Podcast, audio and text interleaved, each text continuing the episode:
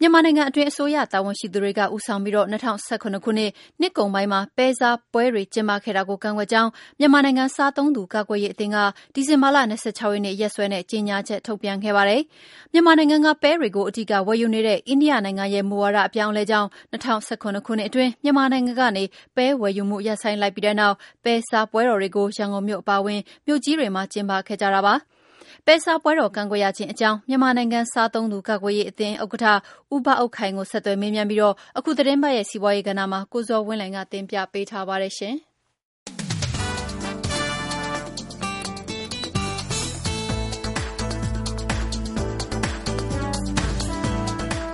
ြန်မာနိုင်ငံကနေ ပုံမှန်တင်ပို့နေကျဖြစ်တဲ့ ပဲစင်းငုံ၊မတ်ပဲ၊ပဲတီစိမ်း စတဲ့ ပဲမျိုးစုံကို အိန္ဒိယက ဝယ်ယူမှု ရပ်ဆိုင်းလိုက်တာကြောင့် မြန်မာနိုင်ငံက စားသုံးသူတွေအကြားမှာ ပဲပိုစားလာပြီး တောင်သူတွေအတွက်လည်း အဆင်ပြေအောင်ဆိုတဲ့ ရည်ရွယ်ချက်နဲ့ သက်ဆိုင်ရာ ပြည်နယ်နဲ့ တိုင်းဒေသကြီး အစိုးရတာဝန်ရှိသူတွေက ဦးဆောင်ပြီး ပဲစားပွဲတော်တွေကို ကျင်းပခဲ့ကြတာပါ။ဒါပေမယ့် ပဲတွေကို စိုက်တဲ့နေရာမှာ ပိုးသတ်ဆေးတွေ အလွန်အကျွံ သုံးစွဲမှုတွေ ရှိနေတာကြောင့် လူထုကျန်းမာရေးကို ထိခိုက်မှာ စိုးရိမ်ရတဲ့အတွက် အဲဒီ ပဲစားပွဲတော်တွေကို ကန့်ကွက်ကြောင်း မြန်မာနိုင်ငံ စားသုံးသူကာကွယ်ရေးအသင်းဥက္ကဋ္ဌ ဦးဘအုပ်ခိုင်က ပြောပါတယ်။“အခုမှ ကျနော်တို့က ဒီပဲစားပွဲတော်ကို ကန့်ကွက်တာပေါ့။အရင် ကြက်သားစားပွဲတော်တို့ ဘာတို့တုန်းကတော့ဒီလိုပဲသူတို့က H1N1 အဲဒါတွေမရှိတော့ဘူး ဘာညာဆိုတော့ အဲဒါတွေတုန်းကတော့ ကျနော်တို့ ဒီအတိုင်း ကြည့်နေခဲ့တာပေါ့နော်။အခုဟာကတော့ ကျနော်တို့က ပဲတွေမှာလည်း ဗမာပြည်မှာက စစိုက်ကတည်းက ပိုးသတ်ဆေးကဖြန်းတယ်လေ။ နောက်ပြီးတော့သိုလှောင်တဲ့အခါကျတော့လည်းပိုးသတ်ဆေးတွေဖြန်းတဲ့အခါကျတော့ဓါတ်ကြွင်းတွေကမလိုအပ်ဘဲနဲ့သတ်မှတ်ထားတဲ့ပမာဏထက်များနေတာပေါ့နော်။အဲဒီတော့ကျနော်တို့ကလည်းစားသုံးသူတွေမှာပိုးသတ်ဆေးဓါတ်ကြွင်းအန္တရာယ်ကိုစိုးရိမ်တဲ့အတွက်ကျနော်တို့ကတော့ဒီတခါတရားဝင်ကန့်ကွက်တာပေါ့နော်။ကြက်သားစားပွဲတော်တို့ဘာတို့တုန်းကတော့ကျနော်တို့မှာလည်းဓါတ်ခွဲခန်းမရှိတဲ့အခါကျတော့ကြက်ငှက်တွေမှာ ပိုးမွှားတွေရှိတာမရှိတာမသိတဲ့အတွက်ကျနော်တို့ကကန့်ကွက်တာတွေမလုပ်ပါဘူး။”တကယ်တော့ပြည်တွင်းစားသုံးမှုနှုန်းမြင့်လာအောင်ကျန်းမာရေးနဲ့ညီညွတ်တဲ့ပဲတွေထုတ်လုပ်နိုင်ရေးနဲ့လူထုပညာပေးလုပ်ငန်းတွေကိုတာဝန်ရှိသူတွေအနေနဲ့ဦးစားပေးလုပ်ဆောင်သင့်တယ်လို့လည်းဦးဘအုပ်ခိုင်ကပြောပါတယ်။“ဒီနည်းနဲ့လုပ်တာကလည်းဆေးမြီးတိုနဲ့ကုတာပဲ။ရေရှည်မှာသူတို့လုပ်သင့်တာကပဲတွေကိုမလိုအပ်ဘဲပိုးသတ်ဆေးမသုံးဖို့၊အော်ဂဲနစ်စိုက်ပျိုးနည်းတွေသဘာဝနည်းတွေနဲ့စိုက်ပျိုးဖို့၊ သိုလှောင်တဲ့နေရာမှာလည်းသဘာဝနည်းတွေနဲ့သိုလှောင်တာတွေ၊သိုလှောင်ဖို့နည်းပညာတွေသင်တန်းတွေတောင်သူတွေကိုပညာပေးဖို့တွေကိုရေရှည်အကျိုးစီးပွားအတွက်လုပ်ရမှာပေါ့နော်။ဒါမှလည်းဂျပန်တို့ဥရောပတို့ဈေးကွက်တွေမှာဈေးကောင်းရနိုင်မယ်၊ထိုးဖောက်နိုင်မယ်ပေါ့။အဲဒီတော့ကျနော်တို့ကအဲလိုအကြံပြုပြီးတော့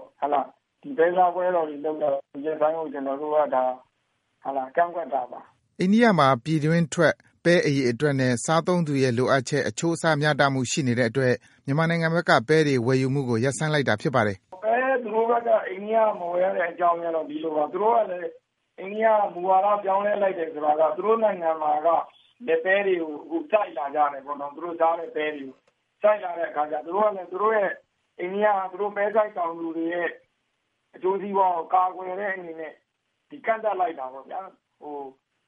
ကျနော်တို့နိုင်ငံကပဲကအဓိကအများဆုံးဝယ်တာ အိန္ဒိယပေါ့။ဝယ်တာကတော့ အိန္ဒိယနဲ့ တရုတ်။ဒါပေမယ့်အများဆုံးဝယ်တာက အိန္ဒိယပါ။ဒါပေမယ့်သူတို့ကျတော့ အိန္ဒိယတို့ တရုတ်တို့ကျတော့ သူတို့နိုင်ငံမှာလည်း လူဦးရေကလည်းများ၊ဆင်းရဲသားတွေ ဘာတွေလည်း ဘာပဲပြောပြော နိုင်ငံဘယ်လောက်ပဲ တိုးတက်တယ်ဆိုဦးတော့ လူတန်းစားကွာဟမှုနဲ့ ဆင်းရဲသားတွေများတယ်။အဲဒီတော့ သူတို့က ပိုးသတ်ဆေးဓါတ်ကြွင်းကိစ္စတွေ ဘာတွေကိုတော့ သူတို့က သိပ်မစိစစ်ပါဘူး။တရုတ်တို့ အိန္ဒိယတို့က။ကျနော်တို့ဆီက ရောင်းသမျှ ဝယ်တာပဲ။ ဒါပေမယ့်တကယ့်ကိုကျန်းမာရေးစောင့်ရှောက်မှုကောင်းပြီးတော့ ဖွံ့ဖြိုးပြီးနိုင်ငံတွေကျတော့ ဂျပန်တို့ ယူရိုတို့ကျတော့ သူတို့က ကျနော်တို့ဆီက ခုနပြောသလို နှမ်းနဲ့ဆိုရင် ဂျပန်က ကျနော်တို့ဆီက ထွက်သလောက်လိုချင်တယ်။ဒါပေမယ့်ပိုးသတ်ဆေးဓါတ်ကြွင်းတွေပါတဲ့အတွက် သူတို့ မဝယ်ရဲလို့ မဝယ်ဘူး။ခုန ပဲတီစိမ်းဆိုလည်း ဒီလိုပဲ ဈေးကွက်ရှိတယ် ဥရောပမှာ။ဒါပေမယ့်ကျနော်တို့ဆီမှာ ပိုးသတ်ဆေးဓါတ်ကြွင်းတွေ ဖြစ်တဲ့အတွက် သူတို့သတ်မှတ်ထားတာထက် များနေတဲ့အတွက် မဝယ်ဘူး။အဲလိုပေါ့။ အခု အိန္ဒိယကမဝယ်တဲ့ကိစ္စကတော့ ပိုးသတ်ဆေးဓါတ်ကြွင်းကြောင့် မဟုတ်ပါဘူး။သူတို့ရဲ့ မူဝါဒ အပြောင်းအလဲကြောင့်ပါ။”အစိုးရတာဝန်ရှိသူတွေက ဦးဆောင်ပြီး ပဲစားပွဲတော်၊ကြက်သားစားပွဲတော် စသဖြင့် ပွဲတော်တွေကျင်းပတာဟာ ဥပဒေချိုးဖောက်တဲ့ လုပ်ရပ်မဟုတ်ပေမယ့်လည်း အာဏာပိုင်တွေအနေနဲ့ ကုန်ပစ္စည်းတခုခု အရောင်းမြင့်လာရေးအတွက် Promotion လုပ်ပေးသလို မဖြစ်စေဖို့ သတိချပ်သင့်တယ်လို့ သူက ပြောပါတယ်။ “FDA တို့လို အဖွဲ့တွေ၊ကျနော်တို့ စားသုံးသူကာကွယ်ရေးအဖွဲ့တွေ၊အရပ်ဘက်ပဲဖြစ်ဖြစ်အစိုးရအဖွဲ့ပဲဖြစ်ဖြစ်ကုန်ပစ္စည်းတခုကို ကျနော်တို့က ဒါ ကြော်ညာကြော်ညာခွင့်မရှိပါဘူးဒါဒါ ethic ပေါ့နော်ကျနော်တို့ကျင့်ဝတ်အရဟလာဒါကနိုင်ငံတကာမှာရှိတဲ့စားသုံးသူကာကွယ်ရေးဖွဲ့အစည်းတွေပေါ့နော်ဒီအထူးသဖြင့်တော့ဟိုကျွန်တော်တို့နိုင်ငံမှာဒါစားသုံးသူကြီးကဥတီဌာနဆိုတာရှိတာတခြားနိုင်ငံတော်တော်များများမှာကျွန်တော်တို့လိုတပ်ပါတီတွေပဲရှိတာပေါ့နော်အဲ့တော့ဒီလုပ်ငန်းရှင်တွေနဲ့ကျွန်တော်တို့ကကုန်ပစ္စည်းကြော်ညာတဲ့အလုပ်ကိုကျွန်တော်တို့လုပ်ခွင့်မရှိဘူးတင်းတင်းရင်းရင်းနေရတယ်ပေါ့ဗျာအဲ့တော့ကြော်ညာတဲ့အလုပ် promotion အလုပ်က ကျွန်တော်တို့အလုပ်မဟုတ်ဘူး သူတို့လုပ်ငန်းရှင်တွေ သူတို့ဘာသာသူတို့လုပ်တဲ့အလုပ် ဒါတော့ကျွန်တော်တို့က သူတို့ထိန်းညှိပေးရတယ် control လုပ်ပေးရတယ် သူတို့ဒီကြော်ညာတွေမှာဒီလိမ့်လေကြော်ညာတာတွေသောက်သုံးလူလှည့်ပြားကြော်ညာတာတွေလောက်လာလို့ရှိရင် ကျွန်တော်တို့လိုအတင်းကြီးတဲ့ဒါဒါဟိုကန့်ကွက်တာတို့ တရားစွဲတာတို့ ဒါဒါမျိုးတွေလောက်ရတဲ့သဘော ရှိပါတယ်ခင်ဗျ ပဲဆိုင်တောင်သူတွေရော ပဲကုန်တယ်တွေပါ ရေရှည် အကျိုးဖြစ်ထွန်းစေမဲ့ပိုးသက်ဆေး အလွန်အကျွံသုံးဆွဲမှုရော့ကြရေး ပညာပေးလုပ်ငန်းလို လူမှုအသိပညာပေးလုပ်ငန်းတွေကို အစိုးရအနေနဲ့ဥဆောင် လုပ်ကိုင်ပေးဖို့ မြန်မာနိုင်ငံ စားသုံးသူကာကွယ်ရေးအသင်းအနေနဲ့ တိုက်တွန်းကြောင်း အသင်းရဲ့ဥက္ကဋ္ဌ ဦးဘအုပ်ခိုင်က ပြောပါတယ် ကျွန်တော်တို့ အကြံပြုချင်တာဒီလိုပါ ခုနပြောသလိုဟိုကျွန်တော်တို့ ဖြစ်စေချင်တာက ရေရှည်ဒီပဲကုန်တယ်တွေရေရှည် အကျိုးစီးပွားကို ကြည့်ပြီးတော့ခုနပဲတွေကို ပိုးသက်စိတ်တက်ခြင်းတွေရော့သွားလာအောင် ပိုးသက်စိတ်တက်ခြင်းတွေဟလာ သတ်မှတ်ထားတဲ့ ပမာဏနဲ့မပိုအောင် ကျွန်တော်တို့ကဒီစိုက်ပျိုးနည်းတွေတူလောင်နည်းတွေကို ပညာပေးနေခြင်းနဲ့ပေါ့နော် ဒီလို ပွဲစားပွဲတော့လုပ်မဲ့အခြား နောက်တစ်ခုကသာသုံးသူကဝေးလို့ အမိခံထားရင် ကျွန်တော်တို့တို့အသင်းဖွဲ့ရပ်ပတ်အသင်းဖွဲ့ပဲဖြစ်ဖြစ်ဆိုရခိုက်ကပဲဖြစ်ဖြစ် ခုနလို ethic အရာဒီပစ္စည်းတွေခုနရောင်းမြင့်နေတဲ့ကိစ္စတွေ ကြော်ညာတဲ့ကိစ္စတွေက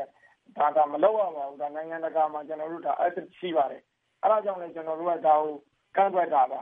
ဟုတ်လား နောက်တစ်ခုက ကျွန်တော်တို့ကဒါပဲကုမ္ပဏီတွေဟလာခုနပြောတဲ့ ပဲဆိုင်တောင်လူတွေကို နစ်နာစေခြင်းနဲ့နစ်နာပါစေလို့ဆိုတဲ့ ရည်ရွယ်ချက်နဲ့လည်း မဟုတ်ဘူးရှင်းရှင်းမှာ ကျွန်တော်တို့ ပဲမှာမဟုတ်ဘူး ကျွန်တော်တို့ မြန်မာနိုင်ငံမှာက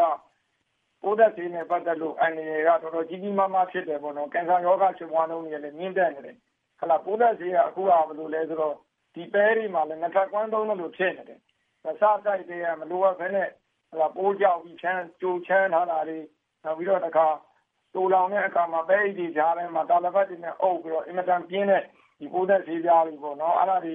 အဲ့ဒါတွေသုံးတာတွေပေါ့နော် မြန်မာနိုင်ငံ စားသုံးသူကာကွယ်ရေးအသင်းဟာ စားတောက်ကုန်တွေကတဆင့် လူထုကျန်းမာရေးကို ထိခိုက်စေမဲ့ဆိုးဆေးတွေ အလွန်ကျွံသုံးဆွဲတာနဲ့ တခြားဓာတုဆေးဝါး ပါဝင်မှုရှိနေတာတွေကို စုံစမ်း ဖော်ထုတ်ပြီး ပညာပေးလုပ်ငန်းတွေလှုပ်ဆောင်နေတဲ့ NGO အဖွဲ့အစည်းတစ်ခု ဖြစ်ပါတယ်ခင်ဗျာ